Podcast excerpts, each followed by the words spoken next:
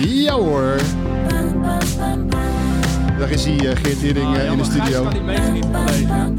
Nee, maar ik heb deze tune zo vaak gehoord. Ik kan aan het hoofd van Jonas wel zien welke die instart. ja, en uh, jij doet hem ook vaak op de gang. 360 zo. ja. ja. Als we helemaal... Als we tegen het faillissement aan zitten, dan doe ik ze gewoon... 60 Talk Show. Analoog. Als we failliet gaan, dan verkopen we die dingen weer. Ja. Dan doe ik ze zelf. Ja, precies. ja. Mooi. Hey heren, normaal gesproken heet ik altijd iedereen uh, ja, welkom in de podcast. Uh, maar eigenlijk is het nu omgedraaid. Hè? Eigenlijk uh, mag ik mijzelf welkom heten in ja, toch wel hier de 360 Talk podcast. Studio. Studio. Ja. ja, want je bent een beetje bij ons te gast, bedoel je? Ja. ja. ja. Welkom. Welkom. Ja, dank. Dank. Leuk dat je er bent. Ja, ontzettend leuk. Um, ik was hier bijna exact vandaag, een maand geleden ook. De 27e van januari.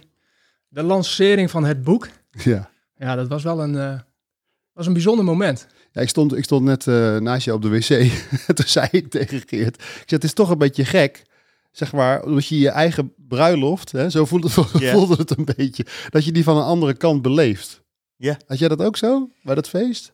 Uh, dat je er wel bent, maar dat je aan de andere kant staat. Ja, ja dat je het niet helemaal meemaakt zoals bijvoorbeeld de Geert het heeft meegemaakt. Die nee, ja, nee dat, dat klopt. Maar je, bent ook wel een beetje, je wil ook wel dat het goed gaat. Maar uh, vanaf tien uur toen we hier op de tafel stonden, heb ik het wel meegemaakt hoor. ja, dat wel, ja. Maar het was een mooi feestje. Nou, dat was wel bijzonder dat jullie uh, volgens mij heel bewust voor gekozen hebben om er ook echt een feest van te maken. Zeker. Ja. ja. Zeker. Een boeklancering is ook niet niks. En uh, het podium wat jullie daarin... jullie pakten een podium daar ook. stonden op het podium. dat is geen onbekende plek voor jullie. Nee. Maar die nummer één positie... Ja, dat is wel een plek die jullie nog niet eerder gekend hebben. En dan noem ik de nummer één positie Management Book. Dat was ook het moment wat, uh, wat jullie toen, uh, toen stonden. Mm -hmm. Ja, dat was wel een, dat is een nieuwe plek. Ja. Ja, dat was wel gek. En hebben we ook goed gevierd, inderdaad. Ja, zeker. En nog, nog even terug op de, de boekpresentatie. Het was ook wel bewust dat we los van het boek vieren, even met iedereen wilden vieren dat het zo goed gaat. Want dat zijn wel belangrijke momenten om bij stil te staan, maar dat kan ook heel snel niet meer goed gaan. Dus en een boek, en op nummer één, en met je familie, en met de belangrijkste opdrachtgevers en collega's. Dat vonden we ook belangrijk. Dus ik denk dat die, die, uh, dat feest, die feestsfeer, die was ook wel echt. Het was niet alleen, hier is een boek, maar het was meer het, het vieren van veel meer. Het, er kwam meer bij. Ja, het was gewoon ook heel mooi om te kijken van... hé, hey, uh, wie zijn we op die reis allemaal tegengekomen? En, uh, en die zijn er ook. Hè? En, uh, ons, ons avontuur is een beetje begonnen bij Noorderlink. En dan zagen we Suzanne zagen we in de zaal staan. En die heeft ons dat gegund op het begin. Zo, ja. Het zijn allemaal van die mensen, die, die, Stappen. die klanten die we dan daar tegenkwamen. Dat was heel mooi, ja. En wat is dan het overheersende gevoel als je dat dan zo'n zo moment pakt? Hè? Dat is een uh, moment waar veel ondernemers, professionals, denk gepassioneerde vakidioten van dromen. Van hey, ik heb een boek uh, uitgebracht. We staan op één. We vieren het. We vieren het met de mensen waar we van houden. Ja. Wat is dan het, wat is het overheersende gevoel op dat moment? Of misschien gewoon in die fase van dat je weet van oké, okay, dat kindje van ons, dat is geboren, het is er en we presenteren het aan de wereld. Ja, doe jij eerst? Ja, uh, een heel, heel fijn uh, gevoel natuurlijk. Ja, het is een beetje surrealistisch. Ik kon het niet helemaal. Het was voor mij, zeg maar, uh, ook een soort van alsof al mijn diploma's tegelijkertijd werden uitgereikt. Ja. Dus het was een soort van insigne die ik kreeg. Ik heb zelf altijd toch wel onzekerheid gehad. Het zit ook helemaal in de training verweven. hè, er zit altijd onzekerheid in. En dat heb ik eigenlijk. Uiteindelijk ga je natuurlijk je eigen therapie doen. Hè? Dus, je, dus je doet helemaal. Ik heb helemaal mijn brein helemaal uh, onderzocht en gekeken hoe ik in flow kom. En omdat ik daar me prettig in voel en dat ik weet dat ik dan presteer. Nou, dat zit ook in, in het boek uh, helemaal uh, in hoofdstuk 1 opgeslagen, zou ik maar zeggen. En ja, het voelde voor mij als een soort insigne dat ik dacht, oh ja, hè, nu kan ik bijna niet meer ontkennen aan mezelf van dat ik hier nu sta. En ja, dat was heel surrealistisch en heel gaaf. Ja. Ja, en ik vond eigenlijk de, het moment dat we tekenden bij de uitgever is voor mij persoonlijk een groter moment dan het feest. Dat klinkt misschien gek, maar wij Ja. verschillen ook heel erg van elkaar. Mm.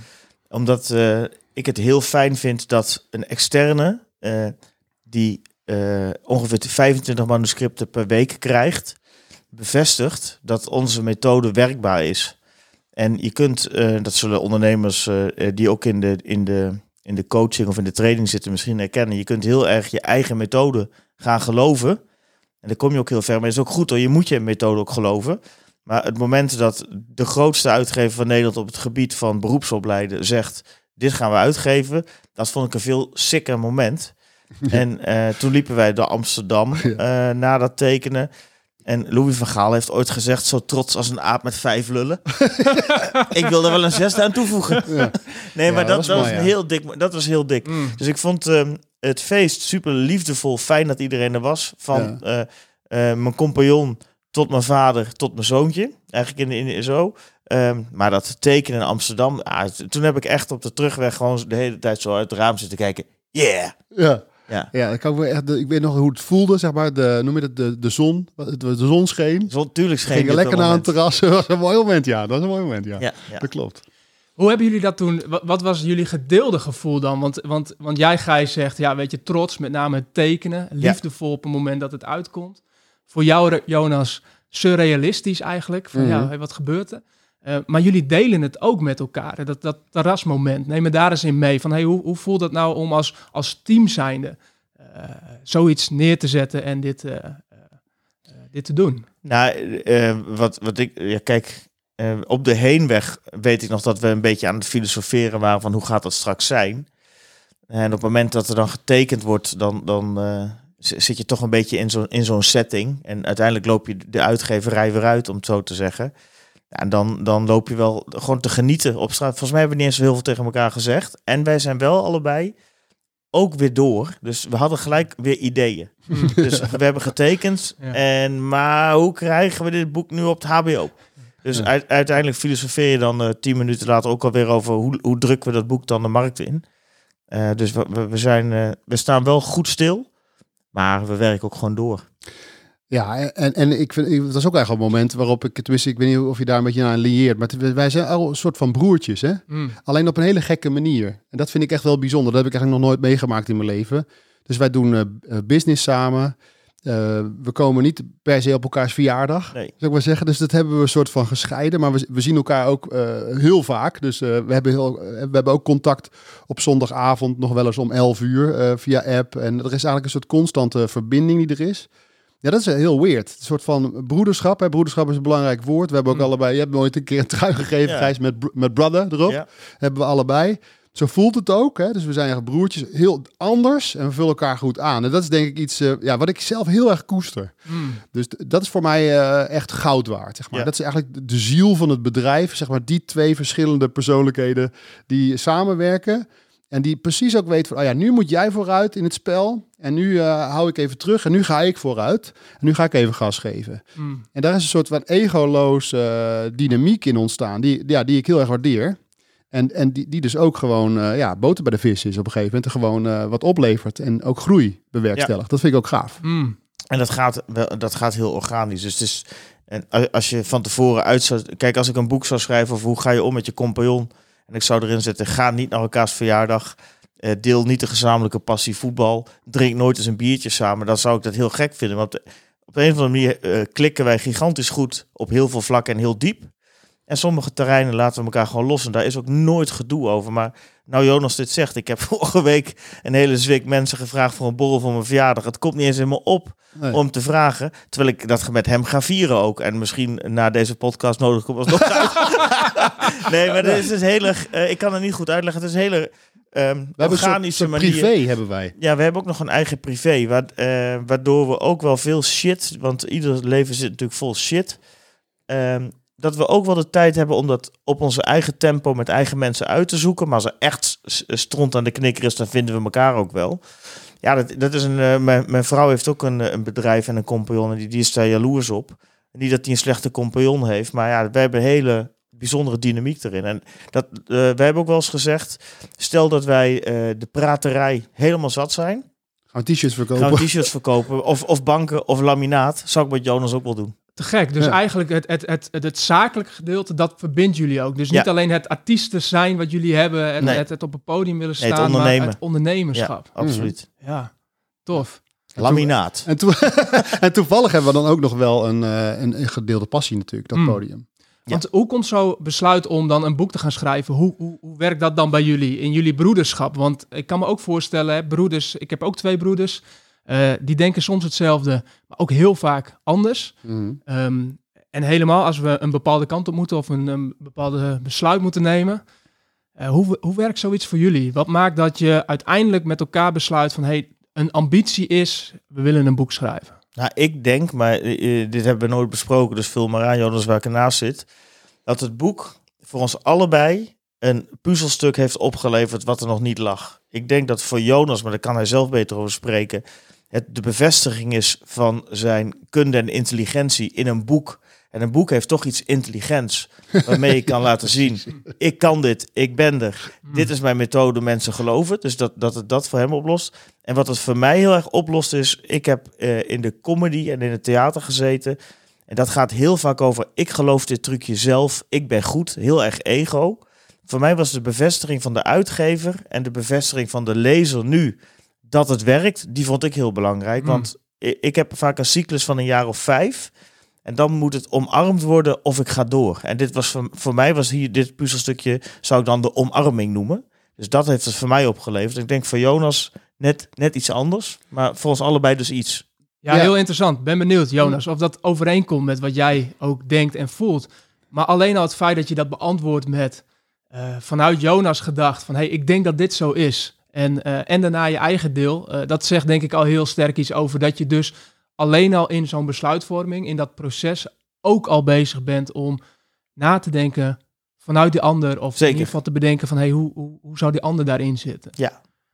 Dan nu de check. Wat, wat, wat was eh, even een heel korte vraag, want Ja. ik zit helemaal te, te trippen op jouw antwoord. Wat, wat was de vraag heel kort nog, Geert? Ehm, ja, wat maakt, eh, hoe komen jullie tot een besluit samen? Vanuit jullie ondernemerschap en broederschap. Ja, dus waarom zouden we dat boek überhaupt schrijven? Ja, nou ja, kijk, het, is wat minder romantisch antwoord, denk ik. Want ik, ik, eigenlijk was ik op zoek naar een hele goed dikke handout. Dat is de praktische kant. Dat was de praktische kant. Dus, dus kijk, dus het ding was, weet je, wij zaten daar eh, altijd en we, we, we wouden die training zo rijk mogelijk maken. Dus we hadden toch een soort van, stel je voor dat we nou die methode kunnen vangen en dat, we, dat je dat dan helemaal kan meegeven in een boek, weet je, hoe vet is dat? Dus dat was eigenlijk de uitgangspositie en, en, en gedurende dat proces vond ik het heel vet dat, ehm, dat we eigenlijk dat die methode claimden. Ja. Hè, dus we hebben een reis gemaakt en daar hebben we allerlei mensen hebben we daar natuurlijk eh, hebben daaraan bijgedragen. Hè. Eh, beginnen we met Mark en met, met Erik, eh, onze storyteller. En hebben we nog allerlei samenwerkingen gehad. We hebben veel doorgeleerd, veel gelezen, veel, veel geprobeerd. Maar uiteindelijk is datgene wat er in het boek staat, is gewoon wat, wat we met al die mensen al die jaren hebben geleerd. En al die, eh, al die foutjes zijn eruit gehaald. En dit is het, zeg maar. Hmm. En als ik het. Ik heb nog niet één ding gelezen eigenlijk, zeg maar achteraf ook niet, van hé, hey, dat klopt niet. Dus dat vind ik ook wel weird. Dus het is niemand die heeft gezegd van hé, hey, dat, eh, dat, is, eh, dat is, daar staat een fout in of dat klopt niet. Ook geen taalfout of zo. Dus het is heel, heel puur geworden. Ja, dus dat maakt ook waarom jullie deze vorm hebben gekozen. Eh, Specifieker de vorm, het boek. Eh, je, je had ook een online training kunnen maken bij Hebben we ook. van. Hebben we Hebben we ook. ook. Ja. Hebben we ook. Maar eh, nee, het, het boek moet eh, praktisch zijn. En het is bewust niet begonnen bij Plato en Aristoteles. Maar gewoon begonnen bij onze observaties. Want er zijn genoeg boeken over retorica en over de techniek. Over de strategie. Die kan ik ook iedereen aanbevelen. Als je het leuk vindt, duik er helemaal in tot op de bodem. Maar eh, dit boek kun je pakken. Kun je gaan lezen op vrijdagavond. En dan kun je maandagavond mee leveren. Dus dat, dat wilden we ook echt maken. Ja, en dat kan ik ook echt bevestigen. Want ik wilde eigenlijk voor deze podcast aan al een compliment geven. En toen zeiden we van ja, laten we dat bewaren ook voor, eh voor En op dan, het horen, moment dat dan horen, meer, horen meer mensen het. Dan wordt ons ego harder Ja, gestreeld. ja, precies. Vinden we mooi. Ja, kom Maar, door, eh, Geert. Kom Ik, door. ik, ik, ik ben maar even stil. Wat wou je zeggen? Nou, het is wel goed, want ehm, ik, ik denk datgene wat jij net noemt, want ik, ik lees hem dan. En ehm, eh, voor mij is een van de belangrijke pijlers van, hey, ehm, komt het overeen met wat jullie zeggen met, met, met hoe het product ook is? De vorm waarin jullie dat ook doen. Eh, hè, dus hetgene, het, het verhaal wat jullie willen delen, de stappen die jullie delen, komt dat ook terug. En alle vier de stappen die jullie daarin delen, en eh, die gaan we straks ook nog in deze podcast delen, dan kun je ze echt eh, tot je nemen. Maar eigenlijk alle vier de stappen die jullie noemen, die zie ik ook terug in, die vorm van de, in, in de vorm van het boek. En een van de kwaliteiten vind ik, is dat het enorm aanzet en energie geeft om een podium te gaan pakken en te gaan doen. En ehm, het is heel makkelijk om een heel dik boek te schrijven. Hoe dikker het boek, hoe, hoe makkelijker. Uh, maar to the point, kort en krachtig, waarin het aanzet tot het podium pakken en ook het, het gevoel geeft van, hé hey, ja, dit, dit kan ik, dit kan iedereen en ik kan hier ook weer in verbeteren. Ik kan hiermee gaan spelen. Ehm, ja, dat maakt wel dat dit boek voor mij ook echt aanspreekt en gelijk mij pakt. En dat begint al bij de eerste stap voor jullie, is authentiek, uh, authentiek zijn, hè? authenticiteit. Um, ja, jullie komen allebei terug in dat boek, naar voren, op jullie eigen manier. Dus jullie, jullie krijgen daar ook nog een gezicht in, in dat boek. Ja. Um, wat heel knap is, vind ik. Omdat je ja, juist snel geneigd kunt zijn, denk ik, om die methode vooral te beschrijven. Maar jullie maken er ook nog een, een verhaal van, een, een, een story. En dat was een beetje practice what you preach natuurlijk. Als we dat niet hadden gedaan, ja, dan, uh, dan, dan, is, dan doe je je eigen methode eigenlijk niet. Want wij vinden heel erg belangrijk dat, dat iemand ook ziet wie je bent. Ja. En dat je eigenlijk je, ja, je, je schild durft te laten zakken. En uh, ja, kwetsbaar vind ik niet zo'n mooi woord op een of andere manier, want ik vind het juist heel sterk. Om te laten zien wie je bent en ook je, ja, je, jezelf mee te nemen op dat podium in plaats van een soort Instagram filter. Ja, en uh, dat is wel een proces geweest hoor. En ik moet je, de, de credits daarvoor moeten wel echt naar Jonas. Want ik ben ook, en dat heeft denk ik ook te maken met hoe ik opgeleid ben, veel uh, theoretischer. Dus uh, ik had mezelf dat boek niet ingeschreven als Jonas me niet had aangemoedigd. Zo eerlijk moeten we ook zijn. Dus daar, daar komt het, ook daar komt het broederschap en het vakmanschap van ons beiden wel samen. Wat, wat hielp je dan toch over die streep? Nou ja, dat, kijk, goed voorbeeld doet volgen natuurlijk. Kijk, Jonas die zat te ploeteren op zijn, op zijn eigen stuk. Ik denk dat jij de helft ook wel weer geschrapt hebt, want jij ging all out, wat heel goed is. Uh, en ik ging gewoon Iets hallo, versie Gijs, 1983, West-Friese Veense Wijk, Groendarheim. Ja. Uh, en dat mocht wel wat meer. Dus in die zin challengen we elkaar ook wel in zo'n mm. schrijfproces. Dus dit is wel echt een, uh, de, de, versie, de beste versie. Dat is ook het mooie, het mooie van die samenwerking van het, van het ondernemerschap. Is dat je ja, ik word gewoon ook een, meer een strateeg en Gijs mm. wordt steeds opener. Dus wij komen ook een beetje meer tegen hè? Mm. op, op een plek zeg maar, waar we dingen steeds meer gezamenlijk hebben. Nou, schijnig. Zijn er ook dingen waar je achteraf gezien, hè, dit, het is een successtory, je boek is uitgekomen, je pakt die nummer één positie, ja. uh, dat, dat uh, prachtig, het is er nu, dus het kan gedeeld worden. Um, waarin ben je mogelijk nog niet of niet geslaagd? Wat is nog iets waarvan je denkt van, hé, hey, dat had anders, beter? Nou, in, in, in dit boek zit, zit niets waarvan ik denk dat het niet gelukt is. Maar uh, ik heb wel dromen. onze missie is natuurlijk uh, dat iedereen eens kapt met die uh, lange verhalen. Elkaar nodeloos vermoeien. onze droom is dat iedereen in zes minuten energie geeft. In plaats van in de 80 minuten energie kost. Mm. maar er moet nog heel wat water door de Rijn, is dat? Of door de, door de Nijl? Of door de Maas? Kan iemand het opzoeken? nou ja, ik vind het, ik vind het heel grappig, want wij, wij zitten natuurlijk altijd uh, met elkaar uh, in de auto onderweg naar trainingen of, uh, of sessies of podcasts of wat we ook mogen doen. En wij zitten dan ook ja, een beetje te filosoferen op welke kant we op willen. En we kwamen erachter dat 360 seconden is 6 minuten.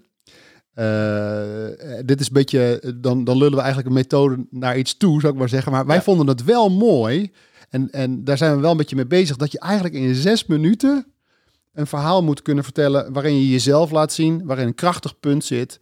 waarin een story zit die je punt eigenlijk bewijst. en een, een duidelijke call to action. Dus dat, dat, dat het, wij, onze droom is, tenminste, ik denk dat, we, dat ik voor ons tweeën spreek, is dat we, dat we op een gegeven moment in bedrijven horen van je moet even een 360 talk doen. Hmm. In plaats van een lange presentatie. Want dan kunnen we door en dan kunnen we drie 360 talks horen vanuit het team. En dan, uh, dan kunnen we doorpakken. dus hmm. dat, dat, nou, dat het een ding is. Voor om, ik, ik, uh, we, om het heel actueel te maken. Gisteren was die, die uh, presentatie van het gasbevingsrapport. En er staan er drie bestuurders op een podium. Die staan te, te, dus de, de, de burgemeester, de commissaris van de Koning en de Remkes. En die gaan dan vertellen wat ze graag willen. En die maken 18 punten tegelijk. En je, je hoeft ons boekje niet te lezen. En je hoeft ook niet briljant te zijn om te weten dat dat nooit werkt. Dus zeg gewoon, repareer die huizen. Punt. Daar had je daarna weggekund. Dus ook op dat bestuursniveau, het hoogste niveau in Nederland waarop mensen worden gestuurd, waarop we beslissingen maken, het moet compacter, beeldender en pakkender. Eh, om, om de hele rit een beetje in de gang te houden. Ik bedoel, alles duurt lang en traag, puntiger. Echt een pleidooi voor puntigheid. Waarom doen we dat nog steeds? In mijn ogen, ik spreek gewoon vrij uit twee dingen. Lang lullen geeft het idee van intelligentie. Ja, precies. En ja. veel lullen is makkelijk om je er achteraf onderuit te doen. Want als je gisteren had gezegd, we hebben een hele korte mededeling. Repareer die huizen voor 1 maart 2023. Dan kunnen je er ook aan gehouden worden. Dus als het dan 2 maart is, kun je zeggen het is mislukt. En dat is heel spannend. Dus niet voor je punt gaan staan is heel makkelijk als je het punt wollig maakt. Mm. Dus dat is een, daar zit een dubbelheid in. Mm. En heel veel praten over retorica en de drieslag zou het idee van intelligentie kunnen geven. Is helemaal niet intelligent. Puntigheid, dat is intelligent. Mm. Komen we toch weer bij angst uit ook, hè? Ja, en Zeker. men- ja, mensen hebben dus, dat is eh, natuurlijk een beetje het imposter syndroom. Dat, ja, mensen hebben heel veel kennis over allerlei shizzle. En eh, gisteren had ik een gesprek met mijn vrouw, die uit het onderwijs komt, over, over het je, je punt maken. Daar gaan we het de woensdag in auto nog verder over hebben, Gijs. Dat vind ik een super vet onderwerp. Want uiteindelijk gaat het er heel erg over dat, je, ehm, dat die ander zich veilig moet voelen. Dus diegene die luistert moet zich veilig voelen. En dat begint eigenlijk bij dat je weet wat hij of zij al weet. Dus dat je, dat, dat je vertrekpunt is. En dat je in plaats van jouw eigen eh, onzekerheid in de vorm van veel te veel informatie over die zaal heen dondert. Dat je gaat kijken, oh ja, wat weet die club al? Wat weet diegene die aan de andere kant zit al? En als dat mijn vertrekpunt is, dan blijft het namelijk veilig voor die luisteraar. Want als ik alleen maar mijn, he- mijn hele hebben en houden over diegene heen donder, dan heeft hij veel te veel gekregen, snapt hij het meer en wordt het dus onveilig voor die Hmm. ander. En leert hij dus niks. Niks, hè? Dan gaat er dus, dan, dan, dan streef je je doel dus volledig voorbij. En dan, ja, dan, eh, dan zitten we er eigenlijk allemaal voor niks. Dat is zo zonde. Dus, Hey. wa- dus wat je ziet is gewoon een bestuurder of, of, of, iemand die, die een enorm verhaal heeft, die, die dondert dat helemaal over die club heen. Ja, en dan blijft er niet zoveel over. Ik, eh, vorige week eh, vroeg iemand mij een advies. En eh, daar is een onderzoek gedaan binnen een groot concern. En wat kwam daaruit? Dat eigenlijk de medewerkers passief waren geworden. Dus niemand kwam er in actie. Er zit veel intelligentie in die hut, maar het kwam er niet uit. Ehm, een rapport geschreven. Ik denk dat het rapport meer dan een ton heeft gekost. En dan gaat, gaat de, de, de directeur-bestuurder gaat dat rapport presenteren. Dus die huurt een bioscoopzaal. Die zet die 600 mensen die niet actief zijn in een bioscoopzaal. Die dimt het licht, was zijn plan. En die, en, die, en die wil dan 400 slides er doorheen drukken. En ik leg hem dan uit dat je dan eigenlijk het gedrag laat zien wat je niet wil. Dus ik zeg, kun je ook iets actiefs doen? Ja, dat had ik graag gedaan, maar we hebben dat eh, over een maand al. Dus ik kan dat nu niet meer omgooien. En dat, dat is in een notendop wel iets wat wij heel vaak zien, zonder nou heel cynisch te worden. Eh, eerst is het, het, het schermen met heel veel eh, kennis. En dan komt er een advies, dat zijn wij dan bijvoorbeeld. En dan wordt het alsnog weggeveegd van ja, dat is heel veel werk. Mm. Terwijl onze methode, of het net iets anders doen, levert je tijd op. Maar je moet het wel een keer ervaren eh, en, en daarna gaan doen. Het is heel makkelijk om het allemaal te laten zoals het is. Die mensen hebben een hypotheek wel, de Tesla draait. Het is een cultuur ook, Ja. hè, waar je natuurlijk tegenop Mhm. aan het boksen bent. Het gaat al jaren zo, we doen het altijd al zo. Mm. Ja. Zie je heel veel als we, We zijn voor, er nog. als we voor overheden trainen, zeggen we overheidsinstanties, dan, eh, dan komen dat soort dingen altijd van, ja, maar zometeen, eh wat vinden mijn collega's ervan als ik ineens een verhaal vertel? Nou, het vertellen van een verhaal is de alleroudste manier van het overbrengen van een boodschap. Hè? Dus als ik jou een praktijkvoorbeeld geef, het is echt geen hogere wiskunde ook inderdaad. Wij, wij moeten ook wel eens een beetje om gniffelen. Maar mensen beginnen toch En, gewoon weer... en om janken. Ja, om janken ook. Want maar mensen beginnen het s- vaak ook gewoon weer met een agenda. En dan eh, janken ze de er, eh, door, zou ik maar zeggen. En dan, dan donderen we allemaal een beetje in elkaar. En sterven we allemaal een beetje. ja. Ja, Ja. dit is wel heel sterk die stap 1 ook voor jullie. Hè? De, de authenticiteit, Juist. dus het omgaan met dat stemmetje in je hoofd die er van alles van vindt, die het spannend vindt. Mm. Het innerlijke kind in ons. ja, maar dat komt natuurlijk... in- Kijk, jij bent natuurlijk eh, eh, op het gebied van de persoonlijke ontwikkeling heel breed eh, eigenlijk bezig. Dit is, is alleen dan, gaat over presenteren. Maar dit zit natuurlijk in alles, Mm. toch? Die innerlijke criticus, daar, ben, daar zijn we de hele dag allemaal mee bezig. Ja, een van de dingen die echt door het lezen van het boek mij nog, nog een keer weer heel helder werd, is eh, ik legde heel erg voor mij de link ook naar leiderschap. Hetgene wat jullie presenteren in je boek gaat over spreken, eh, Ja. vier stappen. Maar er zit zo'n, eh, ja, eigenlijk kapstok voor leiderschap Ik, achter. ik denk dat leiderschap valt of staat bij willen mensen mee en willen mensen volgen. Of willen mensen nadenken over wat die leider zegt. Je hoeft het niet eens mee eens te zijn. Maar om überhaupt tot die stap te komen, moet het overkomen, die boodschap. Dus dat begint in mijn ogen met praten. Niet met schrijven, niet met uitbeelden, met praten, met woorden. Mm. Ja, dus ehm, als, als dat rammelt, zeg ik niet dat je een slechte leider bent, maar is de eerste scheurtje in je fundament is er al. Hmm. En eh, ik denk, maar jij weet meer van leiderschap dan ik. Hoe meer scheurtjes zich opstapelen, hoe instabieler een organisatie of een team. En hoe groter de kans dat de boel in elkaar dondert. Ik zeg niet dat het dan in elkaar dondert. Maar als ik leiding zou geven of leiderschap zou eh, willen tonen, zou ik willen dat alles klopt. En dat begint dan wel bij je verhaal, bij je stem en bij jezelf als instrument. Ja, en wie is een leider, hè? De leider is degene die voor de club staat. Ja. Toch? Dus degene die durft te gaan staan met zijn kop boven het maaiveld op een onveilige positie, waar het harder waait, dat is de leider. En, als je, en, de, en de leider wordt gevolgd, van oudsher, no- normaal sp- gesproken eh, trokken we over de steppen met vij- 150 mensen. Dat was een beetje de clan. En als de leider eh, eh, ging staan, eh zou ik maar zeggen, of de oudste, dan, dan, dan voelden we eigenlijk aan de, aan, de, aan, de, tone of voice, aan de manier, aan de lichaamshouding. Oh ja, hij is oud, hij klopt. We gaan hem volgen. En als dat niet zo was, dan draaiden we langzaam onze ruggen naar hem toe en dan gingen we een andere kant op en dan werd iemand anders de leider. En uit de groep liggen, en daarom is het ook zo, zo spannend om die leiderschapsplek te nemen, uit de groep liggen, dus buiten de groep staan, is, betekent eigenlijk dat je, dat je dood bent. Omdat je uit, als je uit die 150 man ligt, dan ben je overgeleverd aan de wilde dieren eh, in de jungle, of, eh, of waar ze dan ook zijn. En, en dat betekent dat je sterft. Dus het is belangrijk dat je onderdeel van die groep blijft. En dat is ook het stemmetje wat je altijd op de stoel blijft drukken van, hey, doe maar niet zo gek. Wees maar gewoon onderdeel van de groep. Dan ben je op je, op je veiligst. Maar gaan staan, ja, vergt eigenlijk dat je echt bent. En dan, dan krijg je echt een, een gezonde voedingsbodem. Maar we leven alleen in te grote groepen tegenwoordig. Dus politici gaan heel raar doen, zeg maar zeggen. Hmm. Ook communicatief. Dat we het allemaal niet meer snappen. Dus we zeggen allemaal van ja, wat daar precies gebeurt, dat weten we allemaal niet. Eh, dat, snappen we al lang niet meer. Want het is alleen maar kennisvloek wat je krijgt. Alleen maar vanuit, vanuit de cognitie in plaats van vanuit het hart ook. Hè? Hmm. Vroeger voelden we natuurlijk aan onze intuïtie, hey, dat is degene die ons moet gaan leiden. Ja. Dat voelt goed.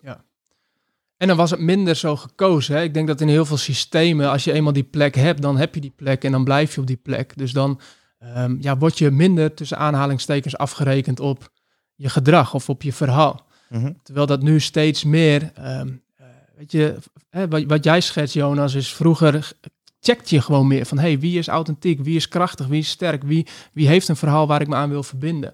En volgens mij ontstaat dat nu steeds meer, omdat de systemen omgeduwd gaan worden. Er, er, worden, er, er komt meer verandering, er is ander Ja. leiderschap nodig. Dus je ziet daarin ook dat er meer gekeken wordt, om, om je heen gekeken wordt van, hé, hey, maar wie wil ik eigenlijk volgen? Ja, je voelt het toch ook gewoon? Hmm. Je Ja, voelt het en, toch gewoon? En eh, wat Jonas zegt, eh, dat klopt. Eh, we, maken, we, we kijken nu naar de mensen die daadwerkelijk leider zijn. Maar ook voor het informele leiderschap. Dus als je die boel om wilt duwen, dan is dit ook heel belangrijk. Dat je verhaal goed is. Kijk, waarom hebben we de leiders die we hebben?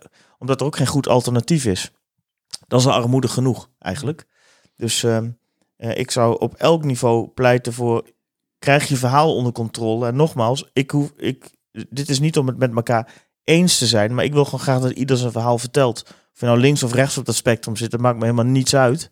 Als je maar het maximale uit jezelf had om je verhaal goed over de bühne te krijgen, dan is het daarna aan de kudde om te kiezen.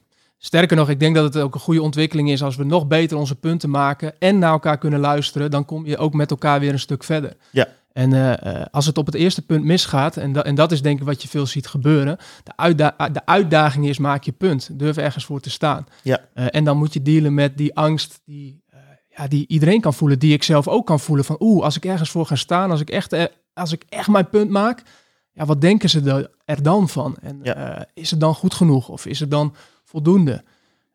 Eh, en dat is, dat is denk ik de spanning die eh, voor leiderschap, voor alle leiders geldt. En daarom komt persoonlijk leiderschap altijd voor leiderschap. En Ja. eh, bieden jullie ook met dit boek ook, ook een instrument eigenlijk in, in het kader van weer persoonlijk leiderschap. Van oké, het begint bij jezelf. Eh, dat is voor mij ook het winnen van binnen. De podcast eh, met die titel ook, omdat het begint altijd van binnen, Ja. vanuit jezelf. Ja, en als je, als je, eh, als je hoofdstuk 1 in ons boek over authenticiteit he- nog verder gaat uitdiepen. Hè, er zit al een, in het boek zit al een, eh, een tijdlijn die je kan invullen voor je leven. Hè, de, dus dus om, te, om te zien waar heb ik eigenlijk butsen opgelopen en wat is daar voor coping opgekomen, wat is daar voor gedrag opgekomen. Inzicht in je trauma's. Hè, dat, zeg, maar, dat vind ik het aller, aller, aller, allervetste wat er is. Dus als je durft terug te gaan naar je trauma's, zou ik maar zeggen. Waarom moet je lachen? Het allervetste wat Ja. er is, is ook gewoon van, als, Ja. weet je, het gewoon het, van smullen om terug te gaan naar je trauma. Ik Nou zie voor me dat je aan het luisteren bent en denkt, What the ah, fuck? ja, ja. ik weet het niet of dat, of dat nou echt, maar, maar de glimlach die jij daarbij hebt, het plezier wat er van afstraalt, eh, Nou ja. dat, is, dat, dat, dat zegt wel iets over hoe jij in de wedstrijd zit. En tegelijkertijd zie ik in mijn ooghoek Gijs wel knikken als het gaat over trauma's. Misschien iets minder op de stoel springen als het gaat over trauma's, ik- maar wel knikken. Ja, zeker. Nee, maar ik, ik, ik ben altijd degene die het voorbehoudje maakt. En kijk, voor de, de, ik, ik weet niet wie er allemaal naar jouw podcast luistert. Ik weet dat dat er veel zijn, maar eh, eh, trauma moeten we dan op de schaal ook even onderscheiden. Als je, als je PTSS-trauma's hebt, dan kunnen die je behoorlijk in de weg zitten. Ja. Als, als Jonas dan nu zegt, ga er naar terug, Ja. is dat zeker niet smullen, zeker niet handen wrijven. Zou ik je ook niet aanraden. Maar eh, met trauma bedoelen wij ook in de bredere zin alle deuken in je leven die je oploopt op cruciale momenten. De leraar die je niet ziet, de vader die je vergeet op te halen van voetbaltraining, de zus die altijd zegt dat je dom bent. De momenten waarop het leven knikte, Ja. eh, maar eh, wa- wat je weer terugkrijgt op het moment dat je als professional wil presteren of als je als vader je ding wil doen, Mm. daarna terug durven gaan, dat lost een boel op. Nou, ik, ja, ik was nog niet klaar. Nou, oké. Nou, Jonas van de Vlucht, dames en heren. Nee, maar ik bedoel, als je daar naar terug durft te gaan en je durft dat aan te kijken, je durft daar eh, ruimte eh, op, op te creëren door eh, vergevingsgezind te zijn, door te zien hoe hard je toen werkte, door daar ontspanning op te, op te creëren, door een keer heel hard op te janken. therapie op te volgen, hoe je het ook wil bewerken. Ik maar als je naar binnen durft te gaan, hè, om terug te komen op de titel van je podcast, ja, daar zit zoveel winst. Kijk, ik, ik moet vaak denken aan een sporter. Een sporter die, die onderweg is naar de Olympische Spelen. Die, die doet alles voor dat ene moment van die gouden plak, zou ik maar zeggen. Eh, en daar teruggaan naar, dat, naar, naar die pijnlijke delen van je leven. Daar ruimte creëren. Dat levert zoveel op. Zeg maar, dat is heel hard werken. True that. En ook als je PTSS hebt of wat dan ook. Maar als je daar na- naartoe durft te gaan en je durft daar ruimte te creëren, zie je het dus op het hele de hele breedte van alles wat je doet. Maar en met name dus op het podium, wat ik super interessant vind Ja. van dat podium. Want daar zie je iemand die congruent wordt. En dan wordt het interessant. Want als jij klopt, zou ik maar zeggen, als je niks meer te verliezen hebt. Dus als je weet, oh ja, ik ga dus dood. Dus ik kan net zo goed helemaal maximaal intappen op mijn intuïtie en gewoon gaan. Hè? Bij wijze van spreken ook zeker op het moment dat de druk hoog is. Dan wordt het super, super fascinerend. Want dan, eh, dan zie je dus iemand in flow. En dat is dus heel aantrekkelijk om naar te kijken. En dan gaat je boodschap dus de wereld echt in. In plaats van dat iemand knikt en denkt, ja, ja, ja, ja hartstikke goed. Er zit er nog een klein stukje... en dat is natuurlijk nooit klaar. Hè? Ik bedoel, dit is natuurlijk een soort van eh, fitness die altijd blijft. Het is wel echt te gek dat je dat noemt. En, en tegelijkertijd ook waardoor het zo waardevol is om daar de waarde van in te zien. En om daar ook dus plezier aan te beleven. Dus daar ook passie voor te ontwikkelen om die stukken, om dat te durven aan te gaan. En dat wil niet zeggen dat het leuk is. Hè. Dat is volgens mij de grootste misvatting van passie is van als je passie hebt, dan, dan is het altijd Ja, alleen nee, maar jongen. leuk. Ja, ja, hè. Dan, nee, is, dan, dan, dan kost het geen moeite. Zeker niet. Bullshit, daar moet je keihard voor werken. Maar Ja. op het moment dat je gaat, dat dat vuurtje aangaat voor je, van dat je gaat merken van, oh ja, daarbinnen zit zoveel winst te behalen. En dan ga ik daar buiten van profiteren. Dat is mooi. Maar, maar, maar het helpt enorm dat, daar, eh, dat, dat je daar passie voor ontwikkelt in ieder geval. Ja, het, het- leuke is, als je heel veel eh, euro's in die gokautomaat stopt van dat onderbewuste, zeg maar, als je blijft investeren, tak, tak, tak, tak, tak, dat is he- helemaal niet leuk. Op een gegeven moment denk je van, ik ben alleen maar aan het investeren. En op een gegeven moment gaat hij uitbetalen. Nou, dan komt er een boek uit. Of eh, dan, dan, eh, dan behaal je bepaalde omzetten. Of dan mag je in mooie, mooie podia mag je staan. Superleuk. Maar reken maar dat ik, eh, als ik, eh, of ik bij mijn psycholoog zit, of in een zweethut, of ademwerk doe, of in een ijsbad zit, of wat ik dan ook doe om die binnenkant, eh, zeg maar, los te weken. Ja, dat ik daar helemaal stuk op ga natuurlijk. En dat ik het helemaal niet leuk vind. Maar ja, vind jij het heel erg leuk als je aan het bankdrukken bent en je bent die laatste push aan het doen? Natuurlijk Nee. is dat niet leuk. Alleen daarna kan je een beetje met je tieten bewegen. Dat is toch mooi? Ja, de, hele, de hele dag. Ja. Welk stukje ben jij tegengekomen, Gijs, van, bij jezelf van binnen als je kijkt naar dit proces van het boek schrijven? Nou, ik ben geen afmaker. Dus eh, ik, eh, ik, ik vind het heerlijk om ver vooruit te kijken en om mensen eh, aan te haken die goed eh, zijn in de dingen waar ik niet goed in ben. Hmm. Dus ik ben, ik ben veel meer een, een verrekijker. Dat, eh, dat zou je een visionair kunnen noemen, maar dat woord gebruik ik nooit. nee, maar daar, ik, ik hou van verrekijken en niet van afmaken. Dus ik kan heel erg janken om mijn laatste alinea. Dat, ik heb Mm. dan geen zin meer. Dat was al altijd wat ik dacht. Hè? Dus dan was mijn oude gedachte, oh ja, je was op school vroeger niet de snelste, niet de slimste, dus je zult wel niet kunnen.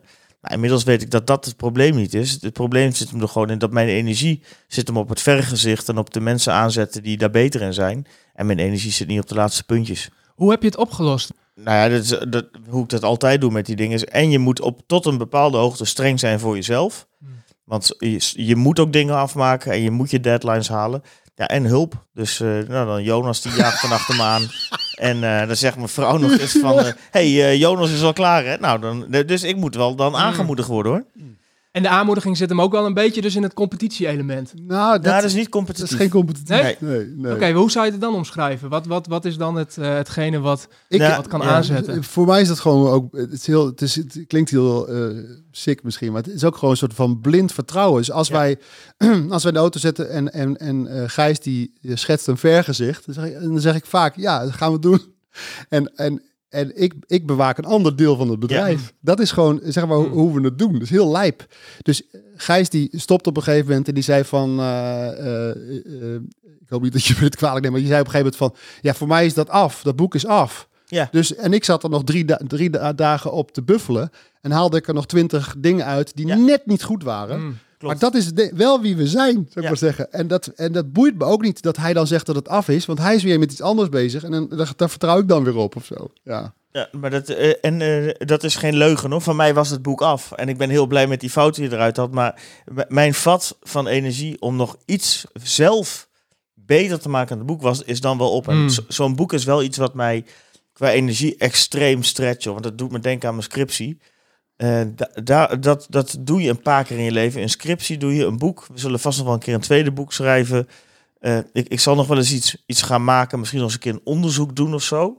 Maar dat moet ik in een paar fases van mijn leven doen. Want dat vat is niet super vol. Maar Mm. vooruitkijken of sturen, Ja. dat kost me geen enkele energie. Dat kan ik, op de, dat kan ik, eh, dat kan ik zwemmend eh, of op de fiets. Of... ja, en stel dat we een sessie hebben. En eh, er komen hier eh, drie directeuren. eh, die, die willen een visie bespreken of presenteren of iets anders. Weet je wel, iets met dynamiek. Dan, dan bereid jij hem voor. En dan, Ja. zeg- en dan- dan bel ik op en zeg, wat moet ik eigenlijk doen? En zegt hij, ja, je moet aanwezig zijn en je moet creatief zijn. Ja. Nou, en dan kom ik en dan, dan, dan mag ik in zijn bedding. Snap je wat ik Mm, bedoel? Ja. Dus dat is, dat is precies, eh, Ja. zeg maar, of de een is in de lead of de ander is in de lead. Mm. Ligt helemaal een beetje aan, aan wat er, eh, zeg maar, eh, voor je ligt. Mm. Want ik kan het dus, dat is dus gek, ik kan het voor anderen wel goed uitpuzzelen. Dus wat Jonas zegt, als een directie komt met een strategie, kan ik hem goed lezen. Daar heb ik ook energie voor, maar dan weet ik, dan lees ik hem met de intentie om een ander verder te helpen. Mm. En dat is voor mij wezenlijk anders dan ergens helemaal induiken, omdat Gijs Nillissen zijn laatste linie wil aanpassen. Ik vind het makkelijker om voor een ander te werken dan voor mezelf. Dus dat is ook, dat is ook Mm. wel een, eh, een reden, denk ik, waarom ik in dit vak eh, terecht ben gekomen. Want daar krijg ik gewoon veel energie van. En dan is het fijn als je zoiets produceert als het afgemaakt is. Want dan heb je nu weer iets in handen waarmee je weer vol die visie in kan. eh, kan Ja. Ja, en, en, en een boek is natuurlijk ook wel een magische, magisch ding. Een soort sleutel die allerlei deuren opent. Hè. Dat, als je bij Boomuitgeverij Amsterdam zit, dan, dan mag je naar die eh, borrels en die dingen. En dan kom je weer andere mensen tegen. Als je auteur bent, dan, mag je ook met andere auteurs praten. Ja, wat heel fascinerend is, want dan heb je ineens heel interessant contact met allerlei mensen. Mm. Dat vond ik ook heel dik. Ja. Ja, dus eh, de, ja, het, het is een, eh, ik vind het ook echt een soort ziel hebben, hè, omdat het ook tastbaar is. Het is een eh, ding wat je, eh, ik vind een digitaal een boek lezen. Ik had laatst weer een, kreeg ik weer een PDF opgestuurd. Ik Nee, kom hoor. daar niet doorheen. Ik ook niet. Dus eh, Nee, en jullie hebben de opdracht in zitten. Hè? Je kan schrijven, je kan ermee aan de slag. Het activeert. ja. Ja. Tof. Hey, terwijl dat ik zo met jullie praat en geniet van, van, van jullie samenwerking eigenlijk ook al hier in die podcast. eh, te merken dat, dat, eh, dat het aanvult, aansluit. ehm, ben ik toch wel heel nieuwsgierig. Want ik weet een groot deel van deze podcast zijn eh, me- ondernemers. eh, mensen die ook aan het bouwen zijn. En die heel snel wel ontdekken van oké, weet je, je moet het zelf doen. Hè? Nie- niemand gaat het uiteindelijk voor je doen. Maar je moet het niet alleen doen. Ehm, en heel erg op zoek zijn van hey, hoe, hoe, hoe ga je nu samenwerkingen aan? Hoe, hoe werk je nou met partnerschappen? Hoe zorg je nu dat je met elkaar ook elkaar weer naar het next level brengt? Dus elke keer kijkt hoe je het ma- maximale uit elkaar kunt halen. Met relaties bedoel je? Ja, maar ja, en, en, en vooral ook binnen, binnen je onderneming. Dus eh, het bouwen van een team. En jij noemde Jonas van, hey, we, eigenlijk voelen we hier een broederschap. En ik weet zeker dat mensen aan het luisteren zijn en daar jaloers op zijn, omdat ze denken van, wauw, wat zou het fijn zijn om het gevoel te hebben dat ik er niet alleen voor sta. Dat ik het niet in mijn eentje doe. Ehm, Waar ik heel benieuwd naar ben is, kunnen jullie mij eens meenemen in van, hey, hoe is dat voor jullie? Hoe, hoe, hoe ziet dat proces, hoe is dat ontstaan? Dus hoe hebben jullie dat, dat, dat, dat broederschap, hoe hebben jullie dat, die samenwerking met elkaar ehm, vormgegeven? En ja, wat zijn belangrijke momenten in jullie reis daarin geweest voor jullie? Nou, eh, ik, ik denk dat. eh, ik wil niet het. eh, ik wil, wil geen vervelend antwoord geven, maar de, de geluk is ook een factor, denk ik. Ik denk dat ook, ja. Ehm, wat het. Wat, laat ik het zo zeggen. Wij hebben op een aantal cruciale momenten waarop het ook mis had kunnen gaan, elkaar alsnog wel weer gevonden. Hm. En ik denk dat het bijna op een echte relatie lijkt. Dus ik denk dat dat belangrijk is, dat je altijd blijft kijken naar wat er wel is. En niet wat er niet is. Want Jonas en ik verschillen echt heel erg van elkaar. Ehm, Als je, En- de- als je dit gedeelte van de podcast bereikt hebt, ja, nee, dus... dan mag je het ook Dan horen. mag je het ook horen. Nee, maar ja. fijn dat je het nog bent. Maar eh, Nou ja, het, het, Nee, klinkt, maar- het is heel snel iets verkeerds. Hè? En dat is denk ik ook de misvatting die we heel snel hebben. Van dat er iets mis is met dat je van elkaar verschilt. Maar dat is het. het erom kunnen lachen en juist daar, daar dus oké mee zijn. En dus ook oké zijn met dat, dat verschillen dus ook shit met zich Ja. meebrengt. Want dat betekent dus ook dat je het vaak niet eens bent. Vertel. Ik, ik, Ja. ik denk dat dit eigenlijk... eh, eh, dat, eh, ik kan hier 50 tips over geven, maar ik denk dat dit onderbewust moet gebeuren. Kijk, eh, als je het helemaal plat slaat, vond ik Jonas een enorme zwever en, hij mij een koude, dichtgetikte strateeg. Eh, maar we voelden wel van, ik vind het wel interessant om met hem te hangen. En dat vond hij ook met mij. Nou, en dan, dan begin je met, je met je business. En dan, ik, ben, ik kan gigantisch fel zijn verbaal. Waardoor ik Jonas helemaal de hoek in blaas. Ehm, en, maar hij blaast dan wel terug. En er zijn niet veel mensen die als ik echt vol gas geef, terugblazen. Hm. Dus op de een of andere manier is het ook wel een bijzondere mix van eh, elkaar ruimte geven en elkaar ook de zwaktes zien. En we hebben het de hele podcast nu over onze krachten gehad. Maar er zitten ook allemaal zwaktes aan. En die Ah, accepteren afmaken kwam ook even voorbij. Ja, Ja, Gijs. en die, Ja. eh, die, eh, die, die accepteren van elkaar. Dus Ja. als je nu met iemand samenwerkt en je denkt, ik heb het nog niet helemaal, eh, blijf openstaan. Ehm, en blijf onderzoeken wat er wel is. Dat, Hmm. dat zou mijn enige goede advies kunnen zijn. Ehm, en geef niet te snel op. Want wat ga je bij een ander vinden? Eh, wat doet de markt morgen? Dat weet je niet. Maar ik vind dat veel mensen gehaast zijn. Hmm. eh, op zoek naar het beste. Een beetje de, de Tinder-generatie. Eh, ik ga vandaag even kijken of dit leuk is en dan of dit. Mijn compagnon die had een slecht idee. Hij zal wel dom zijn, ik ga bij hem weg. Nee, geef het gewoon een jaar. Spreek desnoods met elkaar af. We proberen dit twee jaar. Geen gejank. Whatever happens. Zet er een tijd op. Maar je hebt die tijd nodig om, eh, om te ontwikkelen. Hm, mooi. Voor jou, Jonas, wat zijn voor jou daarin kernelementen? Wat zijn belangrijke aspecten? Oh ja. Ik weet elkaar gewoon e- echt durven zien en niet, ehm, ja, niet iemand willen veranderen. Dus, eh, dus, dus heel goed weten, oh ja, die, eh, die jongen die kan dit heel goed. En wij hebben een groter team, hè, want we hebben Saskia nu aan boord. Ehm, en we werken met eh, Wietse en Mathilde, die, eh, waar we ook eh, de kwaliteiten zien en die we ook Tim is onze jongen die alles maakt Ja. en zorgt dat die site Precies. stra- alles strak is, alle uitingen. Dus je, dus je weet op een gegeven moment, oh ja, dat kan die persoon goed en dat niet. En dat vullen we aan met die ander of zo. Daar maak je dus een soort van samenwerkjes, puzzeltjes van. En dat is gewoon denk ik alleen maar heel erg leuk. Ja, we zijn toch heel erg geneigd om, eh, om al door te kijken naar wat kan ik nog niet. Hm, Terwijl, ja, ik vind het veel interessanter om, om, om een superheld eh, op, met een bepaalde kwa- kwaliteit eh, in te zetten op een bepaald onderdeel. Dus ja, zo een beetje, denk ik. Heel erg kijken, oh ja, wie ben jij en wat, eh, en waar, waar kunnen we je op het schaakbord inzetten? Wat zijn gedeelde waarden voor jullie? Ondernemerschap. Broederschap, Ja. geld. nou ja, nou ja, nou ja ik- kijk, geld klinkt heel plat, maar geld is Ja. voor mij energie.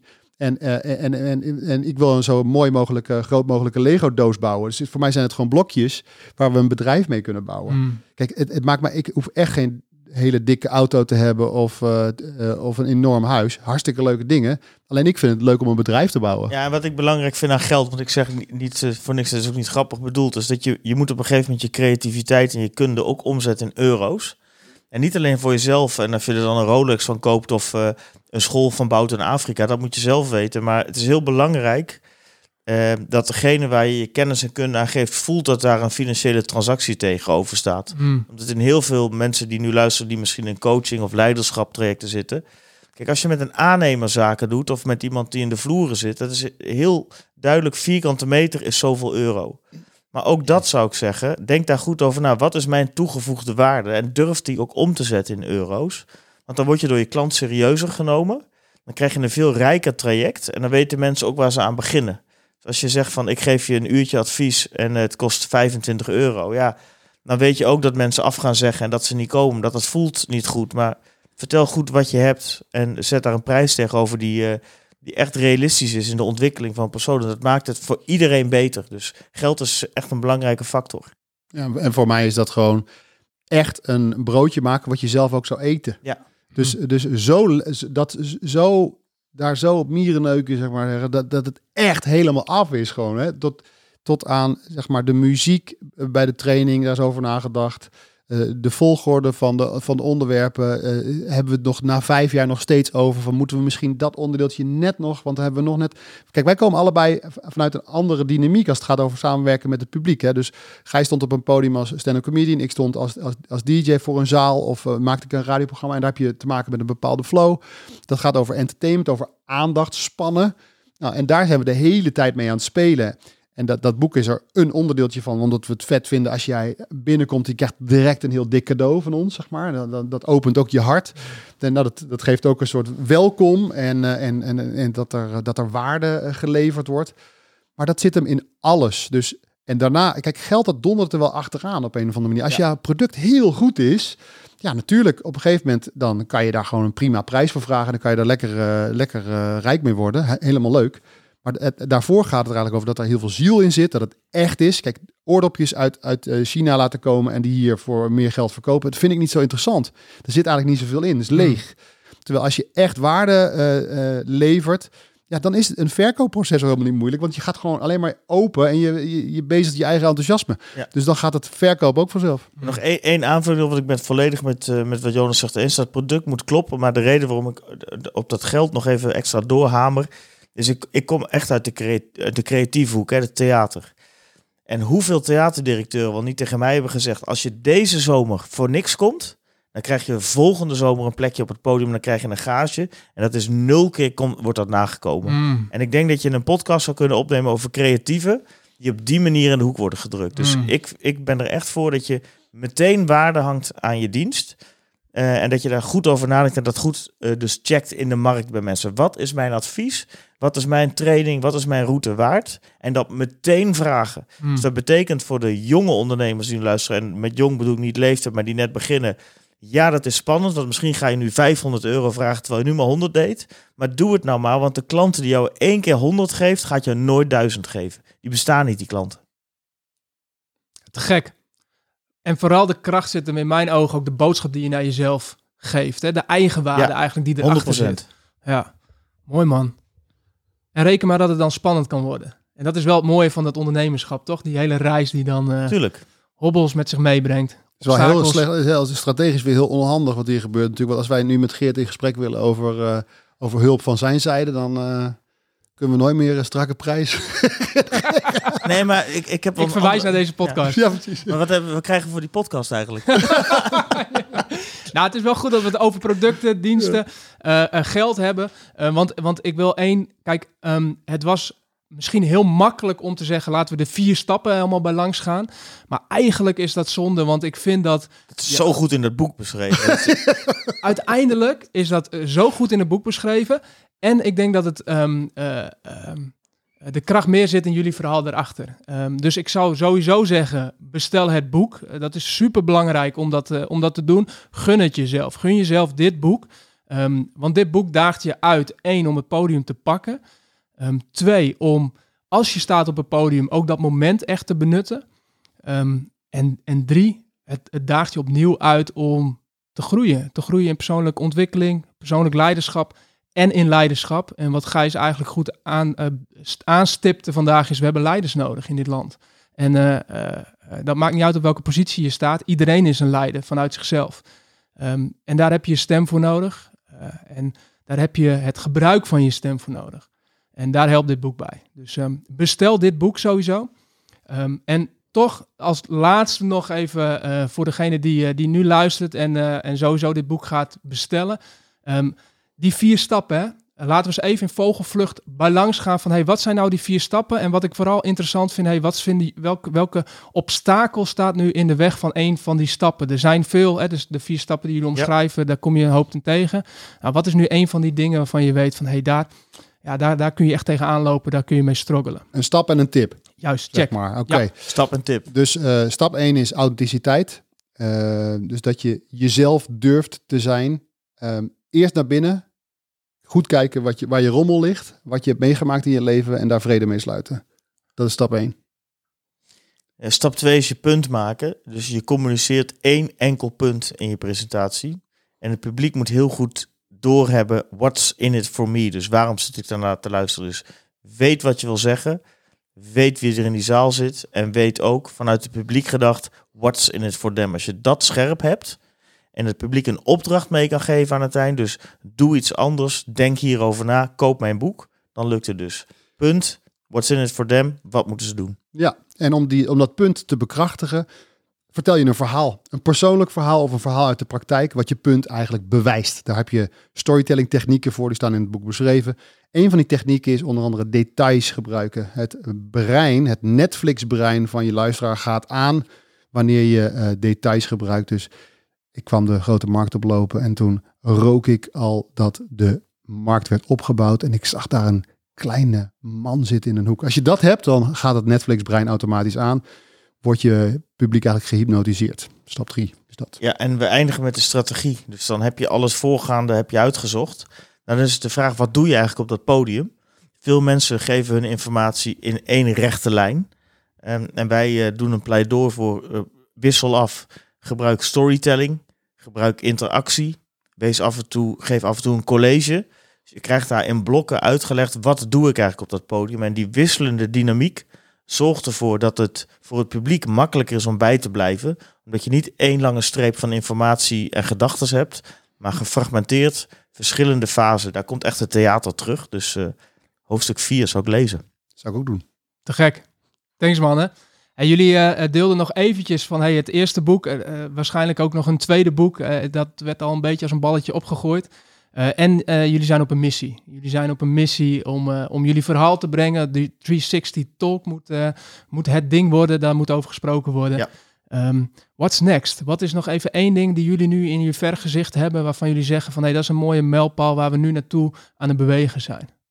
Nou, ik vind het heel mooi hoe het bedrijf zich nu ontwikkelt. Dus we hebben Saskia eh, aan, aan boord. eh, die helpt ons niet alleen met de back-office, maar die gaat ook echt, die doet ook alle studenten en jongeren, eh, pakt ze op. Dus die gaat ze trainen als onze junior trainer. We hebben een heel mooi middengebied met Wietse en Mathilde, die echt de grote groepen pakken, die echt van hun zes en acht maken. En wij mogen ons een beetje bemoeien tegenwoordig ook met, met de top Ja. segment, dus met de directeuren en met de mensen die, ja, die hun, hun plannen de wereld in willen helpen. Vergezicht, ik zou het wel mooi vinden als het onderwijs het aandurft om dit gewoon te implementeren. Ja. Dat wij niet, eh, ik vind het hartstikke leuk om met jou hierover te praten, maar dat Jonas en ik een keer kunnen kappen met het daarover praten. Doe dit nou gewoon. Hanze, Rug en andere instellingen. Neem dit boek nou gewoon. Zie wat het verandert. Geniet ervan. Heel graag gedaan. Heel goed. Als we jullie willen volgen in deze reis, eh, wat is de beste media? Wat, eh, waar, waar kunnen we jullie eh eh, eh, weg blijven volgen? 360 Talk. Ja, ja 360doc.nl natuurlijk, maar gewoon, ja, ik vind het leuk om mensen te volgen op LinkedIn. Dat is mijn Ja. enige, ik heb alles van Meta, heb ik de deur uitgedaan, dus ik heb mijn LinkedIn is mijn enige lifeline. Check. Ja. Mooi. En, LinkedIn. en jullie hebben ook een eigen podcast, hè? Zeker. 360 Talk Show, Show. Ja. That's een it. power podcast van, van vijf minuten. Ja, dankjewel Geert. Hey, dank voor jullie gastvrijheid. Graag gedaan. Thanks. Thanks voor het luisteren naar Winnen van Binnen, de podcast. Ik hoop dat je er minstens één nieuw inzicht of idee uit hebt gehaald. Wil je op de hoogte blijven van nieuwe afleveringen? Schrijf je in op geerthidding.nl slash podcast.